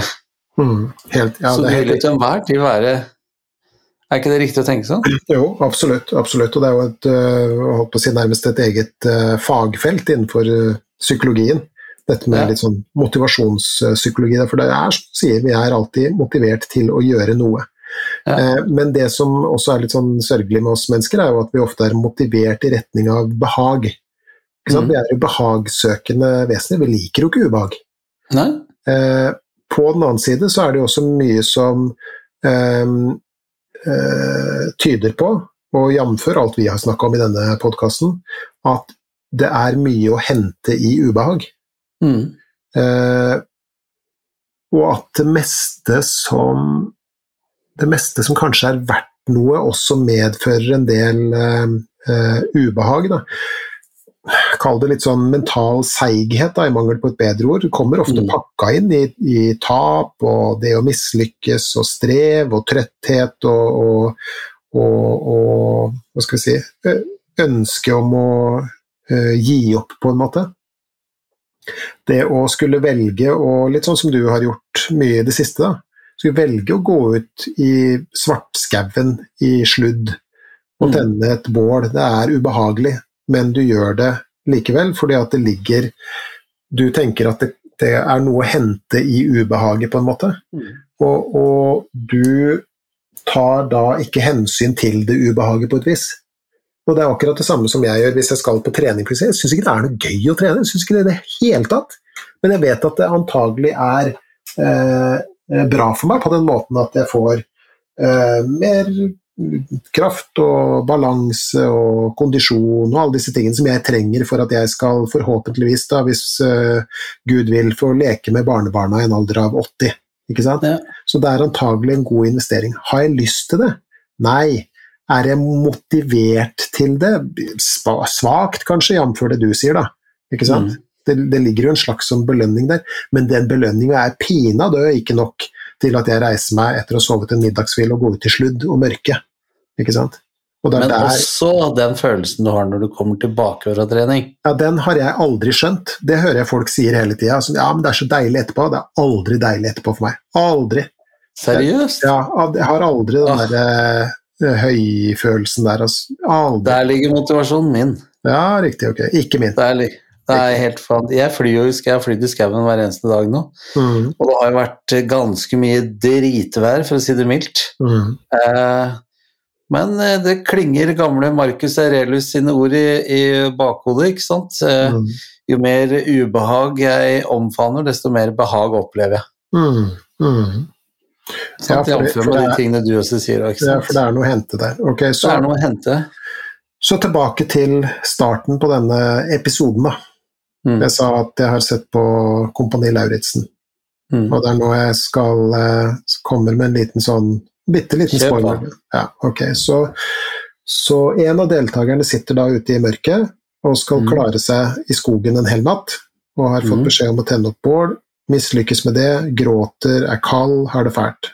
Og så kommer da vår gode venn, han fra Forsvarets spesialkommando, og gir henne en peptalk som går på det at, vet du hva, dette må du faktisk gjøre. Nå må du handle, nå må du gjøre det du skal, nå kan du ikke sitte her og synes synd på deg sjøl. Og den eh, dama, det var hun eh, husker jeg ikke for, Linnea, heter det det? Linnea Linnea Myhre. Linnea Myhre. Ikke sant? Jeg har jo fått med meg det at hun har jo vært ute en vinternatt før, hun. Ja, ja. I, i overført betydning, hadde jeg nær sagt. Mm. Og for meg så ble det et så utrolig godt eh, bilde på livet, da. Og på Mm. ting hun har opplevd før. Hun har i overført betydning vært våt og kald og aleine, ikke sant? Mm. Og, og, og, og hatt det fryktelig ubehagelig. Eh, men hun har ikke gitt opp, hun, for hun er jo her ennå, hadde jeg nær sagt. Ikke sant? Eh, og jeg, det, det er mulig at jeg liksom la for mye i det, da, men, men jeg syntes å se det hos hun da han kom og snakka med henne om natta, og sa at vet du hva, du kan gjøre hva du vil, du kan grine og du kan ha det fælt og sånn, men du får ikke lov til å gi opp. Nei. Ikke gi opp på harde møkka. Og det så ut som det tente noe i hun, for etter hvert så kom jo Bård i gang, og så alt det der, så det, det skal jo du få, få se på nå. Men, men eh, det er det livet handler om, da. Å være i alt det ubehagelige. Ikke sant? Og da kan Men det ser, du jo, det ser du jo på alle opplevelsene der, sånn fra kompaniledelsen. Ja, ja, absolutt. absolutt. Ja. Det- Ja, ekstremt mange av dem, eh, i hvert fall. Det store flertallet, på et vis. Men, men, men det, er der, det er det jeg mener med at hvis du da skal vente på denne såkalte behagelige motivasjonen som gjør at du lystfull løper av gårde for å gjøre ganske ubehagelige ting, så kan du ikke stole på den. Du må stole på den seigheten og den, kalde disiplinen, da, som han eh, framkalte hos hun eh, i, i den episoden der. Så det, det er bare, jeg gleder meg litt til å høre hva du, hva du tenker når du har sett eh, akkurat den. da. Jeg kommer nok til å tenke akkurat det samme. Jeg så den forrige episoden hvor de skulle eh, rappellere ned den der gigademningen, hvor redde de var, og hvor ekstremt ubehagelig. Mhm, Men samtlige hadde altså verdens største glis når de kom ned. Mhm, Det spilte ingen rolle om de ikke hadde festa de bombene underveis. Liksom. Jeg gjorde det. Jeg gikk over kanten og jeg fyrte meg ned 94 meter, liksom. Og, det, og det, de var jo i lykkerus, og uh, Brannstorpen eh, var jo så redd, men hun, hun veksla mellom å le og gråte og lettelse. Mm. og mm. ikke sant? Og når de skulle krype gjennom hullet, og når de skulle gå opp til rampestrek altså det, er det, det er det samme, akkurat det samme opplever jeg. Gang Mm. på gang på gang på gang. på gang. Mm. Tør Og det var jo, var jo veldig få av dem som var særlig motiverte for å fire seg ut fra den der eh, demningen eller krypene i det der hølet, ikke sant. Ja, Men de gjorde det likevel. og den følelsen de fikk når de kom ut på andre sida, mm. hadde de ikke fått hvis de ikke hadde gjort det. Mhm. Ja, og det er, det er, eh, det er, nettopp, eh, det er nettopp det. Altså Hvis du ikke kan fjerne frykten din, så gjør det du må gjøre mens du er redd. Mm. Ikke sant? Og det er jo det som vi trener f.eks. militære eller politi eller helsevesen, altså folk som jobber der, ambulanse, hva som helst. Vi trener dem jo ikke til å bli fryktløse. Nei. Vi trener dem til å kunne gjøre det de skal, selv om de er superredde. Mm. Ikke sant? Og det er jo det som de hva skal vi kalle det, får et innblikk i da, i det programmet. der. Det er det som jeg, jeg liker det veldig godt. Så, Og frykt er jo nesten det ultimate ubehagelig. mm, ja, det er så intenst ubehagelig. Mm. Det er jo det som eh, En ting er jo frykt, en annen ting er den derre angsten som de absolutt fleste av oss opplever én eller flere ganger i løpet av livet. Ikke sant? Det å Mm. gå rundt og murre og, og ha det fælt og ikke engang vite hva du er redd for, du er bare redd. Det er ikke, det er ikke for amatører, altså. Så da signerer jeg på at jeg er enig i det punktet også. Hmm, ok. Bra, greit. Så det var uh, punkt uh, To. Ja. vi har kommet en time av gårde. Greit. Okay. Punkt nummer tre. Punkt nummer tre. Les. Ja. Og det her er det her, Egentlig så burde det, hvis jeg skulle valgt ut ett punkt, så hadde det vært det her. Ja, det. Les, les, les. Eller i det minste se filmen. Ja. Ikke sant? Men få med deg alle, alle historiene der ute. Som, som er nedfelt i tekst, eller som er nedfelt i musikk, eller som er nedfelt i, i, i film og teater osv. Alle historiene som handler Og standup. Standup, tenker du også. Ja, ja. Ja. Er i hvert fall, i hvert fall ett standup-show, da. Ja, du må få med deg et standup-show. Ja. Hvilket bør man få med seg da? Jeg ville ut av det blå Hvis forestillingen gir litt mer faen, eh, kommer til et teater nær deg, så vil jeg f.eks. benytte anledningen til å se det. Mm, ja. Så får du okay. egentlig litt sånn der Kinder-greie. Du får både podkasten summert opp, boka summert, og en forestilling som eh, Ja, folk ler jo godt. Mm. Så Nei, Jeg jeg, er helt enig. enig. av gjenkjennelsen. Ja, så klart. Mm. Det er, eh, for meg har alltid standup og humor vært eh, to ting eh, som må være til stede for at du skal skape braklatter. Og punkt én er gjenkjennelse. Mhm. Og ikke nødvendigvis at du har opplevd det før, eller eh, at eh, Men du må kunne kjenne deg igjen i den situasjonen som blir beskrevet. Mm. Kjenne igjen hvordan du ville reagert, eller kjenne igjen hvordan du har sett andre har. Og det andre er overraskelse. Mhm. Så Mhm. hvis du har gjenkjennelse og overraskelse, så kan du Mhm. skrive tekster til du blir blå. Og det er jo også, hva skal vi kalle det, poenget mitt her, da. Fordi at i litteraturen, og kall det kunsten, så kjenner vi oss igjen. Og mange ganger så er det sånn at vi ikke reflekterer over at vi kjenner oss igjen heller. Men, men alle disse felles, kan kalle det allmennmenneskelige opplevelsene, da, av engstelse, smerte, savn, sorg, redsel, sjalusi, alle disse tingene som, som er en del av en menneskelig erfaring, det kjenner vi igjen, enten vi reflekterer over det eller ikke. Det er jo derfor, det er jo derfor vi leser, venner tilbake til de samme historiene igjen og igjen og igjen. ikke sant? Mm. Det er derfor at, at de fleste bøkene som er skrevet, er skrevet over ekstremt få eh, temaer. Det er variasjoner over nøyaktig de samme temaene, og en av de, en av de mest sånn, eh, hva skal vi kalle det, sentrale historiene er jo denne heltehistorien. Mm. Um, hel, kall det heltemyten, da. Hvor helten går ut i verden uh, og møter alt det vonde og farlige og, og, og ensomheten og, og redselen og sviket og, og alt det her. Uh, og som kommer ut på andre sida og har lært noe, og har nødvendigvis ikke hva skal vi si, vunnet prinsessa og halve kongeriket hver gang, og lever heller ikke lykkelig i alle sine dager, men har i hvert fall erfart noe og lært noe. Da. Og, vi, og vi leser det, og vi, eh, vi kjenner det igjen. Og, og det som er, er at vi Altså, alle liv er også en historie. Mm. Og det er antagelig det som også da klinger inn i ehm, i eh, historiene vi stadig søkes, eh, søkes mot. De store historiene går vi aldri lei av. Nei. Eh, Og din kultur, og kall det verdenskultur og Jeg snakker ikke bare om den norske eller europeiske, men jeg snakker også om verdenskultur. roper jo mot deg.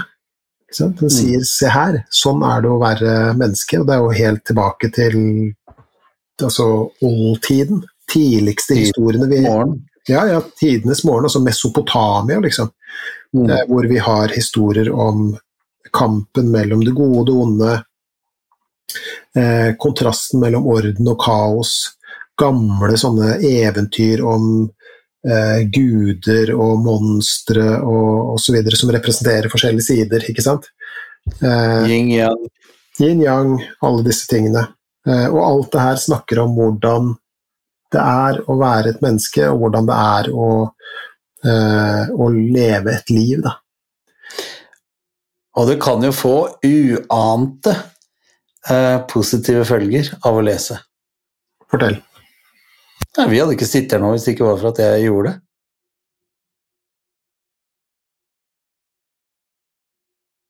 Altså, vi hadde ikke kjent hverandre. Vi hadde ikke opplevd alt det vi har opplevd nå i fire-fem år.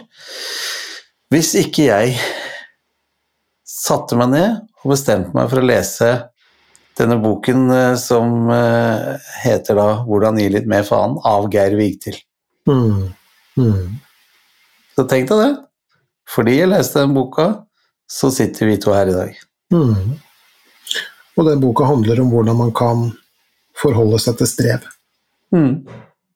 Hvordan man kan ehm, eh, bevege seg langs en eh, litt sånn mørk og gjørmete og ufremkommelig sti. Ja, for meg så er det en sånn selvhjelps-motivasjonsbok. Nei da. Ja, bra. Jeg tror du spenner bein på punktene mine, det liker jeg veldig godt.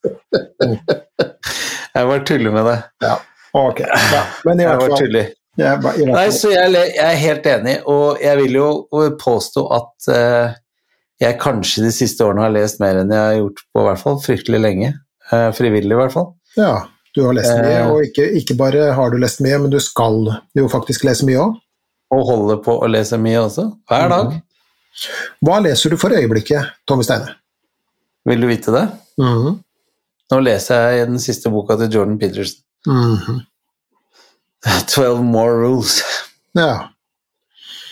Den boken Vi får ikke håpe at det kommer en bok til som heter Even More 12 Rules. Eller det, det skal tatt seg. Men, The Last eh, 72 Rules. Ja, ja, ja. ja. Nei, ja. så det er boken jeg leser eh, nå om, eh, om, om dagen. Mm. Det er den boka, så jeg har liksom gitt meg sjøl tre uker til å det er ganske mye å lese og, mm. og skjønne. Det er avanserte Eh, greier. Men det er jo på Det er jo fordi at jeg har lyst til at eh, en gang så skal vi eh, ta, ta for oss den boka også på og snakke om det i podkastene. Det blir ikke For det er veldig veldig- mye det samme som det er. Det er, det er, det er verden og mennesket. Mm, mm. Det gleder jeg meg veldig til. Vi har jo blitt enige om at vi skal gå gjennom begge bøkene, trinn for trinn, hadde jeg nær sagt. Mm. Så, så det blir veldig stas. Men i hvert fall, et barn som eh, leser, blir en voksen som tenker, leste jeg en gang. Eh, Og jeg skulle ønske at vi leste enda mer for, eh, Ja. for ungene våre, både hjemme og i, i skolen osv. Mm. Eh, At vi eh, satte oss med dem i armkroken og leste bøker, leste de gamle historiene for dem. Det er kjempeviktig. Hvis vi i tillegg, eh, og det er store nok, f.eks. i skolen, kunne ha snakka litt om hva betyr noe egentlig den historien her. Sier den historien her noe om livet, f.eks.? Sier den historien her om noe eller sier den historien her noe om hvordan det vil si å være et menneske og, og leve et liv? Da tror jeg vi hadde Jeg tror vi kunne spart oss en del sånn livsmestring i skolen og sånn, da. Men jeg tror kanskje at eh, ikke pro, Jeg tror liksom ikke utfordringen ligger at ikke barn leser. altså De leser jo på andre måter, og jeg ser på ungdommene her i huset. Mens det som bekymrer meg litt, er at innholdet i det stort sett eh, er uh, veldig mye basert på overflate og utseende og mote og sånne ting. Fordi om noen sitter og scroller på, på TikTok, da, så detter du inn historier fra mennesker fra, fra hele verden. Uh, og det hadde vært mer uh, Hva skal jeg sagt, litt mer kjøtt på beinet på de TikTokene, så kunne det gjerne fortsatt for meg, men det er jo nettopp som du sier, det er en del eh, grunnleggende historie og gjenfortellinger av de som har levd før, og som kanskje har et og annet tips å komme med, som, som, som er litt mangelvare, syns jeg. Mm. Mm. Ja. Så Eh, med fare for å høres ut som en to gamle gubber, så eh, vil vi likevel oppfordre folk til å lese enda mer. Ja, og det, jeg tenker at det er mye bra i framskritt, ikke sant. Altså, Mm. Ting går framover, og ting blir bedre og sånt, noe, men, men jeg tenker også samtidig at man Det kan være veldig lurt å reflektere over hva det er verdt å ta med seg også. Mm. Og dette med liksom, Vi er historiefortellere, Mm. og vi er historielyttere.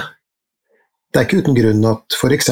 podkast har blitt så enormt eh, populært. og så må, altså kunsten å lese skreven tekst, Mm. og, og ikke minst kunsten å lese inni seg, lese stille, ikke sant? Uten, Mm. å, uten å formulere det du leser eh, verbalt, eh, nærmest. Eh, det er jo bare noen hundre år gammelt. Mm. Mens vi har sittet i årtusener rundt leirbålene og fortalt hverandre historier. Og, Mm. vi, og vi forteller hverandre historier hver eneste gang vi møtes. Hva Mm. har du gjort i det siste? Du, vi, vi, du og jeg oppfordrer jo hverandre til å fortelle historier. Mm. Har det skjedd noe siden sist? Ikke sant? Mm. Og når familien møtes rundt uh, matbordet i de tusen hjem, så er, kommer det ofte spørsmålet hva har du opplevd i dag? Mm. Og så forteller vi ofte en historie om at vi vi var et sted, og så skjedde det noe, noe som kanskje skapte problemer for oss. Og så forteller vi om hvordan vi løste det, og hvordan vi kom oss fra A til B, f.eks. Uh, og, og det har vi gjort i, i titusener, om ikke hundretusener av år. Så, så, og det å lese er en måte å, å tilegne seg historier på. Da. Og historier forteller oss noe om hvordan vi kan leve. Så igjen, for alt i verden, les. Les, les, les. Det var et veldig bra punkt, ja. Ja, det var punkt tre. Punkt eh, fire Mm. Og jeg, det er her det begynner å henge sammen, tror jeg. Men eh, Mhm. punkt fire handler om strev, Mm. og at strev er viktig. Eh, at strev er viktig på samme måte som historier er viktig, på den måten at eh, det er gjennom strev vi tilegner oss erfaring. Mm. Eh, og og hvis vi ikke hadde opplevd strev, så hadde vi ikke fått Skal vi si Da hadde vi ikke blitt de personene vi har mulighet til å bli, da. Og jeg har på samme måte som deg opplevd strev i mitt liv. Mm. Um, jeg har um, Jeg har tidligere tenkt at det skulle gjerne vært noe av det strevet uh, foruten. Mm. Men igjen, da, for å, å snakke om Sale Søren, uh, så, så har jeg da etter hvert eh, som jeg har eh, levd livet forlengs, men forstått det baklengs, også sett at strevet har vært eh, viktig for at jeg skulle bli den, den jeg er. Nettopp. Eh, og at det å streve handler om nettopp å gjøre eh, eller fortsette framover til tross for alt som er eh, vanskelig og, og, og fælt og, og vondt. Og det er jo det vi eh, kaller mestring, ikke sant? Mm. Men mestring har man jo en tendens til å fremstille som at det er noe du skal eh, oppnå et eller annet sted. Akkurat som det er noe du skal, skal få til et sted der framme. Mm. Eh, men så er det jo ikke sånn det foregår i det hele tatt, fordi at mestring er det du gjør hver eneste dag. Alt I aller høyeste grad. alt det strevet du, du, du driver med, eh, og som ikke faktisk bokstavelig talt tar livet av deg, det er jo mestring. Det å stå Mm. opp om eh, morgenen til tross for at du er sludrete, og du skal i et eller annet møte du har grua deg til, eller rotfylle en tann for den del, hva vet jeg.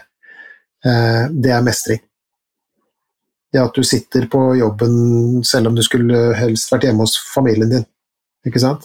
Og, og, og velger å bli der ute av nettopp plikt osv. Det Mm. er også mestring.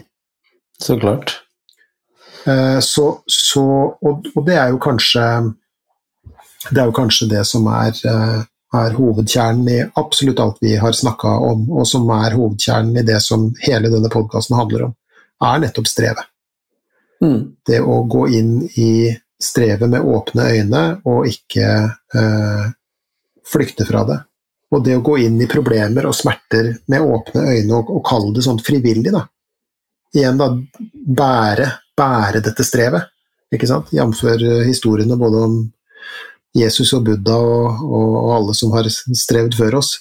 Mm. Um, uh, hvis, vi, hvis vi gjør det med åpne øyne og gjør det frivillig, så, så vil smerten være enklere å bære enn om vi hele tida skal flykte fra det.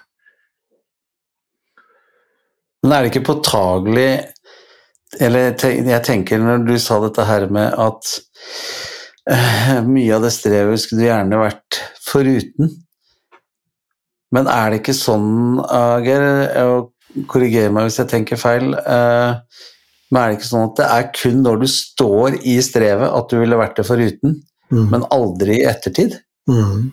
Det der er litt sånn pussig, fordi at Eller det er ikke pussig, altså ikke hvis man tenker på det i det perspektivet vi snakker eh, om det i, men det er faktisk noe jeg hører veldig ofte fra mine klienter. Som når de eh, Hva skal vi kalle det, da? Når de begynner å kunne se strevet sitt i litt perspektiv, da. Ja. Ikke sant? Og det er jo det vi, det er jo det vi jobber for uh, innen MCT også. Det å ta dette overblikket over det, få litt sånn fugleperspektiv på det som foregår, og, og, igjen da, gjøre noe med det du kan gjøre noe med. I resten kan du øve på å la ligge. Uh, men det mange forteller, er at eh, nå mens jeg har vært oppi det, det har vært helt grusomt, helt forferdelig, nå som jeg begynner å se hva dette handler om, og har begynt å ta noen valg i livet mitt osv., så, videre, så ser jeg jeg ville ikke vært det her foruten. Det er det veldig mange som sier, altså. Mm. Det er ganske snedig. Nei, det er eh, Og igjen så er det tilbake til våre gamle, gode kamerater stoikerne. Det er jo det med fugleperspektiv. Og Marcus Aurelius sa akkurat det samme. Mm -hmm. Og en av øvelsene han gjorde på, på kveldene, en av kveldsritualene hans, var jo å se sin dag, sitt liv, først fra takets høyde, og så fra fugleperspektiv, og så fra universet, liksom, for å se at Ok, for å få et annet perspektiv på det. Det er ikke Jeg er ikke hele verden. Jeg er bare en bitte liten brikke i hele verden. Så mm. også mine problemer og utfordringer. Mm. Så nei, det der syns jeg er Det Der syns jeg er eh, Det er som du sier, det er en rød tråd på det. Det er Det er eh, det absolutt aller meste tyder på, og nå er jeg diplomatisk altså, mm. at du kan ikke vokse uten ubehag og strev. Helt det er forutsetningen for at du skal kunne utvikle f.eks. Kall det både mentale og eksistensielle muskler. Da. At du skal mm. bli stadig um, Og misforstå meg rett, for jeg mener ikke at du skal bli en sånn harding, men, men, at du skal bli stadig mer hardfør i møte med livet. Mm. Det fordrer at du, at du, nettopp er gjennom perioder med ubehag og strev, og, og at, du, at, du, har det litt fælt, på en måte. Og igjen, da, for å komme tilbake til Kompani Lauritzen, altså det er et veldig godt bilde um, på livet for øvrig. Ikke sant? Mm. Og du ser hvordan de vokser, og hvordan de uh, skal vi si, uh, tilegner seg erfaringer. Mm. Med nettopp det å være våt og kald og usikker og redd og skremt og alle disse tingene her. Sånn. Så jeg, det syns jeg er litt sånn eh, ekstra eh, stilig, altså. Og så punkt 4,5. Å ja, du har, du har seks punkter, altså? Nei. Jeg har punkt 1, 2, 3, 4, 4,5 og 5. Ja, det er seks punkter, det. Nei, det er egentlig fem. Men det er et 4,5. jeg måtte bare ha det med. For det henger sammen med det, det, det forrige. Eh, og det er um, dette med bitterhet. Ja. Hvordan bitterhet over uh, fortiden, uansett hva, hva, som har skjedd og ikke skjedd, hadde jeg nær sagt, eller som har skjedd, da, Eh, kan forgifte både livet ditt og tankene dine og, og kalle det sjela di. Ja. Og hvordan eh, bitterhet på en måte er å ikke ta eierskap til livet sitt. Mm. Du overlater på en måte kontrollen til andre, da. Eller i verste fall så kan du skylde på andre også. Mm. Uh, og der har jeg uh, erfaringer som jeg har fortalt om uh, i et par tidligere episoder, hadde jeg sagt. Mm.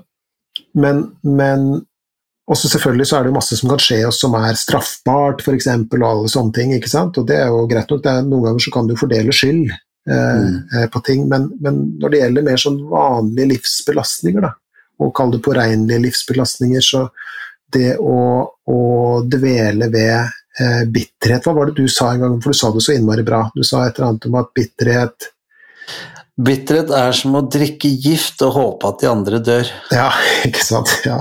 Ja, og, og, drikker du gift, så, så vet du jo hvem, hvem, det går utover, hvem som får ubehaget, på en måte. Mm. Eh, så det å eh, øve på det her er jo ikke lett. Ikke sant? Det er ikke lett å være folk, men, men det å Altså trinn én bestemme seg for å begynne å gi slipp på bitterheten, og punkt to, eller trinn to, begynne å øve på å gi slipp på den. Mm. Det viser seg for veldig mange av oss mennesker å være eh, en eh, lise for sjelen. Mm. det å slutte å drikke den uh, gifta. Gifta. Ikke sant? Og det Ofte så starter det med en slags sånn tilgivelse. Da. Vi snakka litt for en episode eller to siden også om dette med igjen da, med skyld, skam og dårlig samvittighet og sånn. Mm. Og der ligger jo tilgivelsen eh, sentralt. Som den gjør litteraturen for øvrig. seg, her ser du det henger sammen med punkt tre og alt mulig. vet du, Så der er jo helt fantastisk Ja, ja, ja. sammen.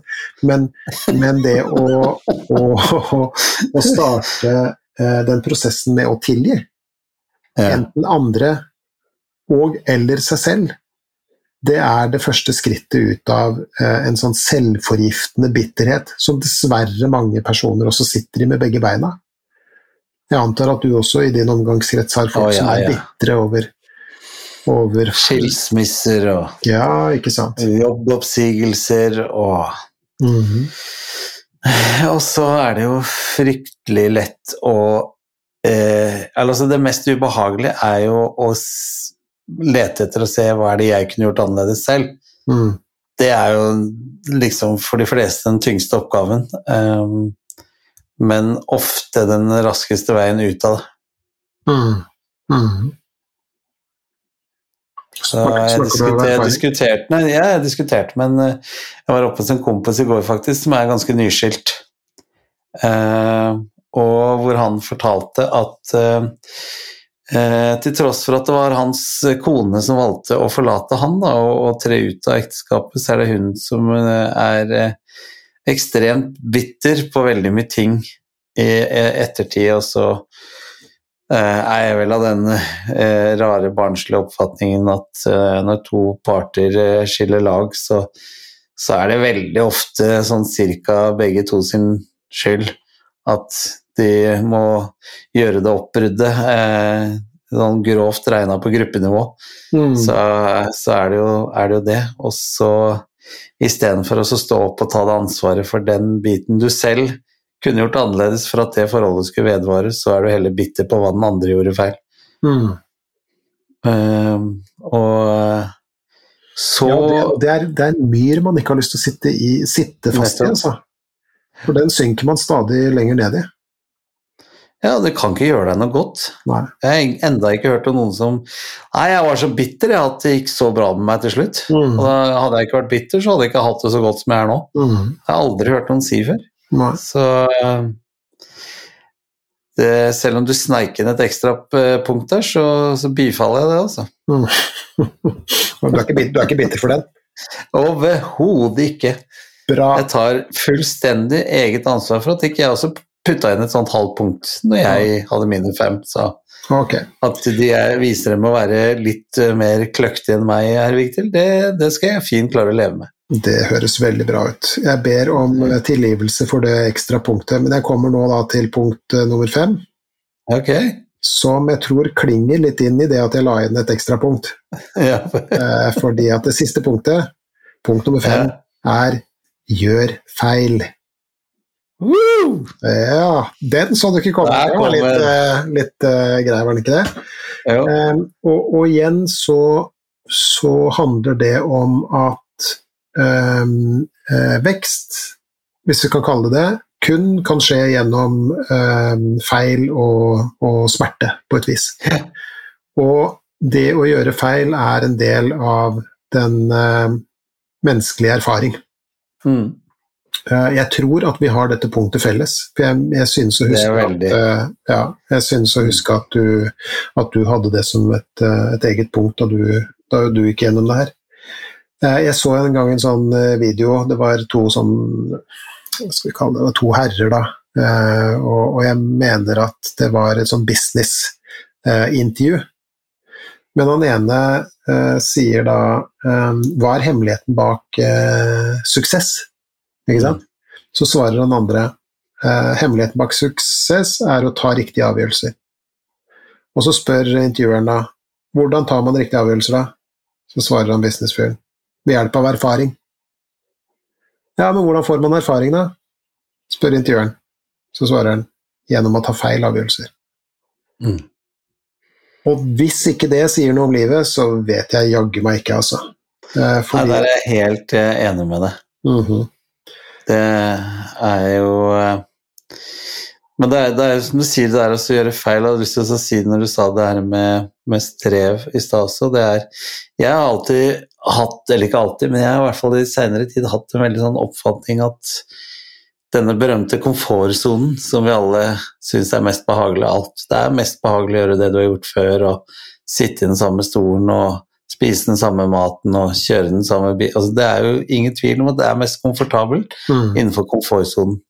Men jeg tør å komme med den påstanden at det oppstår altså ingen magi innenfor komfort- komfortsonen. Mm. Det har ikke skjedd en eneste stor oppdagelse eller opp, oppfinnelse innenfor komfortsonen. Mm. Og sa ikke, sa ikke Edison noe om det her også? At eh, eh, når han fikk også spørsmål om hvordan han kunne komme på sånne fantastiske oppfinnelser, og så sa han ved å gjøre 999 dårlige oppfinnelser, Mm. Mm. så kom jeg fram til den ene rette. Mm. Og det er jo ganske mange av de tingene som vi i dag nesten tar som en selvfølge, som har oppstått som en feil først. Mm. Absolutt. Ikke sant? Er, er det ikke noe sånt noe med antibiotika, f.eks.? Eh, jeg hørte historier om at det er også det er eh, Viagra. Eh, også det er jo et tusenvis av eksempler på, og jeg tror også her om dagen så hørte jeg faktisk historien om kunstgjødsel også, som skjedde som følge av en tabbe. Mm. En eksplosjon som ikke skulle finne sted når de skulle vise fram noe på universitetsaulaen for eh, 48 år siden, sa Eide og gutta. Mm. Så eh, der er jeg, er jeg så samstemt, altså jeg bifaller det så sterkt. Det er å eh, tørre å, å gjøre de feilene. Mm. Jeg lagde faktisk en hel forestilling som jeg kalte Feildunderlig. Mm. Mm. Som handler om det å gjøre feil. Handla om det å tørre å gjøre feil. Mm. En hel standup-forestilling som eh, Og jeg har, jo, jeg har jo gjort så mye feil her i livet at det skulle bare mangle om ikke jeg fikk litt grann, eh, en litt positiv erfaring med det også. Mm. Så, så folk må gjerne ringe meg, så skal jeg fortelle dem om uh, Nei, folk har ikke tid til å høre alle feil jeg har gjort, så, så uh, Jeg tror, jeg, vet du hva, jeg tror, Tommy, jeg tror at du er i veldig godt, godt selskap. Jeg tror du ikke det? Ja, det er viktig å gjøre feil. Og, og, og en ting er jo som uh, menneske, holdt jeg jobber jo med veiledning av Ja. mennesker, og jeg jobber også ofte med um, veiledning av folk som driver med veiledning. Sant? Og en av mine hovedpoeng er at vet du hva, innenfor veiledning så skal du gjøre feil. Mm. For det er den eneste måten du kan tilegne deg erfaring på. Det er den eneste måten du kan bli en bedre veileder på. Og, og, det, og det samme gjelder eh, som menneske. Fordi at hvis du ikke gjør feil, så er du på Du er ikke menneskelig, på en måte. Det var en av de mest sånn sentrale tingene jeg har fortalt, eller sagt til mine barn. Da. At uh, ikke tro at jeg er noe annet enn et menneske. Og jeg gjør feil. Jeg har gjort feil, jeg gjør feil, jeg kommer til å gjøre feil. Og da må du uh, Det er din måte å oppdage, på, at, oppdage at jeg er et menneske på, da. Eh, For sånn er vi, sånn er vi lagd. Og så kan Mm. vi selvfølgelig be om unnskyldning, og, og aller helst også gjøre vårt aller beste for å lære av feilene våre, selvfølgelig. Mm. Men det å gjøre feil, det er menneskelig. Og det er ikke bare menneskelig, men det er nødvendig for å bli enda mer menneskelig, sånn som jeg ser det. Så So that concludes the votes of the Geirmanian Jeremy. Eh, Jerry. Så Det, det var veldig bra seks punkter, syns jeg. Ja, f- f- f- 4,5 vil jeg påstå, da. Men, Ja. men, eh, men eh, det er litt sånn Jeg var litt engstelig for det her, fordi at eh, det mye av det her kan jo høres litt sånn floskelaktig ut. Ikke sant? Mm. Litt sånn selvfølgeligheter og sånt noe. Men på en annen side, altså floskler er en slags sånn hypersannheter. De er Mm. destillerte sannheter. Er, de er så sanne at, at det høres selvfølgelig ut. Men det jeg har snakka om i dag, det er på ingen måte selvfølgelig for meg. Verken som, verken som eh, holdt på å si privatperson eller, eller yrkesperson. I det hele tatt. Tvert imot, det her er eh, for meg ofte Mye av det her er også dyrkjøpt eh, erfaring og kunnskap. Som er, som er viktig for meg. Eh, Og som jeg snakker med, ja, absolutt heldigvis. Og som jeg snakker mye med mine eh, klienter om eh, også. Og min, det må jeg også få lov til å si, at min eh, kall det terapi, terapeutiske praksis da, går Mm. mer og mer bort fra en mer sånn teknisk tilnærming, og mer over på Du kan kalle det nesten en eksistensiell tilnærming. Hva vil det si å være menneske? Og hvordan Ja, kan vi- og- menneskelig tilmerking. ja, ikke sant? Og hvordan Mm. kan vi best mulig leve dette rare livet? Mm. Uten å ødelegge for mye for oss selv og for, eh, for andre, på en måte. Og hva er påregnelig? Hva må vi bære? Og hvordan skal vi kunne bære det på best mulig måte? Da må vi snakke om bl.a. de tingene som vi har snakka om i dag, og som som, som sagt da kan eh, Hvor man kan stå i fare for å, å høres eh, flosklete ut, men, men det er ikke flosklete, det er, det er hypersant. Ja, og så er det en grunn til at floskler har blitt floskler, da. Det er nettopp det.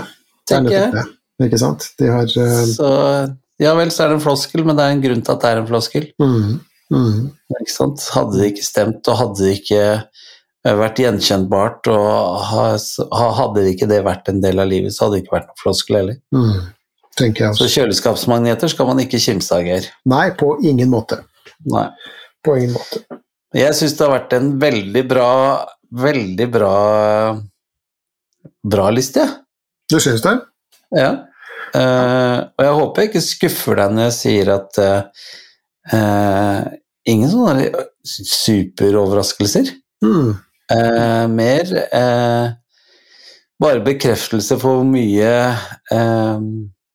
vi har snakket om, og at jeg etter hvert kjenner deg forhåpentligvis like godt som du kjenner meg. mm, Eh, men når det er sagt, veldig befriende repetisjon av en del av de tingene som vi tydeligvis begge to mener. mm, mm. Du ble ikke skuffa nå? Nei, nei, nei. Og hvis jeg skulle blitt det, så skulle jeg ha greid å håndtere det, for det er også en del av livet, nemlig. Skuffelser. Ja. ja, for du hadde ikke blitt bitter av det, mener jeg? Nei, det skulle jeg vokta meg vel for å blitt. Ja, Det gidder jeg ikke. for, hvis jeg ikke hadde sagt det nå, så hadde jeg løyet, skjønner du. Ja, ikke sant. Ja. ja. Og, og det er jo mer strevsomt å ikke fortelle sannheten enn å fortelle sannheten, syns jeg. Mm, mm. Så derfor så vil jeg heller fortelle sannheten, eh, selv om eh, det er strevsomt. Og eh, det er i hvert fall et sted, et sted jeg har lest alt dette her. Mm, mm. Så nå oppsummerte alle fem og en halv punktene dine i en setning. Det er, er elegant. Det er elegant. Fantastisk. Du, eh, avslutningsvis vi, eh, husk, husk at eh, dere kan eh, bestille eh, boka til Geir, signert av forfatteren sjøl, med å sende oss en mail, så ordner vi deg info på det. Eh, og send oss gjerne mer mail, sier jeg beklager. Elektronisk post. Eh, vi vil ha mange flere, fordi dere skal vite, dere som eh, hører dette sånn, at akkurat de elektroniske postene som dere kjenner oss, er med på å forme eh, hvordan vi eh, driver denne podkasten videre. Sånn at vi er egentlig en stor, stor forfatterpool Mm, som, eh, som jobber sammen fra episode til episode. mm. Så fortsett å skrive. Så hvor skal de sende det da, Geir? Vi er en slags sånn gi litt mer faen-familie, syns jeg. Ja, ja, vi har blitt det. Det, er, det, det, det renner inn eh, fra mye, veldig mye bra folk, altså. Eh, mennesker som strever og lever livene sine på samme måte som vi gjør. Så det er veldig stas. Så Mm. eh, fortsett å, å skrive til oss. Fortsett også å like og dele og skrive anmeldelser, alt dere bare hæler. Det, er, det setter vi veldig stor eh, pris på. Men hvis dere vil nå oss direkte, og dere vil altså Absolutt alle får svar, selv om det går noen dager, eh, sånn som nå med litt helligdager og sånt, nå, så, så kan det gå noen dager før svarene kommer, men svarene kommer absolutt eh, garantert. Eh, Da kan dere sende en e-post til gi litt mer f, gi litt mer f i ett ord, at gmail.com. Gi litt mer f i ett ord, svinsemøll. Gmail.com. Da I dag kunne det vært, i dag kunne det vært eh, kransekake siden det er 17. mai om halvannen time. Det er jo også veldig sant. Faen, jeg tror kanskje du Unnskyld, fransken. fransken. jeg tror kanskje du skal få nei. ansvaret for det her. Overhodet Jo da, får du Nei, det var, et, Det var et sidepunkt. bitterheten sidepunkt. her, for at forrige, forrige uke så klagde du også på det, nemlig. Gjorde jeg det? Ja, du gjorde det. Ja, Da det skal jeg herved slutte med Det var ikke klage, det var bare Nei, jeg bare Jeg kom på det mens du sa det. Bare tøyser. Bare tøyser med det. Det er ikke noe problem i det hele tatt, men skriv gjerne til oss, eh, som sagt. Men du, Geir, ta kos deg masse. i, Ja, du slipper jo å kose deg i natt, for det er det jo sånn som Turi og meg som gjør det. Mm. Eh, Så du kan sove trygt og godt, så du er uthvilt til din eh, ensomme 17. mai-feiring med kransekakeflagg i morgen. Mhm. Og der nøys Tommy, men han, han jeg mikrofonen sin. Ja, det syns Jeg er jeg flink, virkelig, altså. Ja, Nå kom den tredje, skjønner du. Stum. Å ja, det kan ta så lang tid imellom. Å ja, ja, ja. Jeg trodde liksom det var meninga at det skulle komme tre på rappen, jeg. Nei, det, det er ikke alltid det et gjør det. Ja, som Ja, okay. noen ganger så tar det det. Ja, ja. ja. Nei, men kos deg masse, kompis, i morgen. eh, Og husk klokken to å heve glasset ditt klokken to, så skal jeg gjøre det samme, for da skåler vi nemlig. Det gjør vi. I For brus konge og fedreland. Konge og fedrelandet, vakre Norge i rødt, hvitt og blått, Mhm. med knallgrønn bjerk uansett vær. Eh, kongesang, eh, nasjonalsangen og boller Russi, og brus og is og alt. Og russ i grøftekantene. Og russ i grøftekantene. Da er det 17. mai. Ja, ja. ja. Fantastisk. Da snakkes vi. Det gjør vi. Takk for i dag. Takk for i dag. Ha det.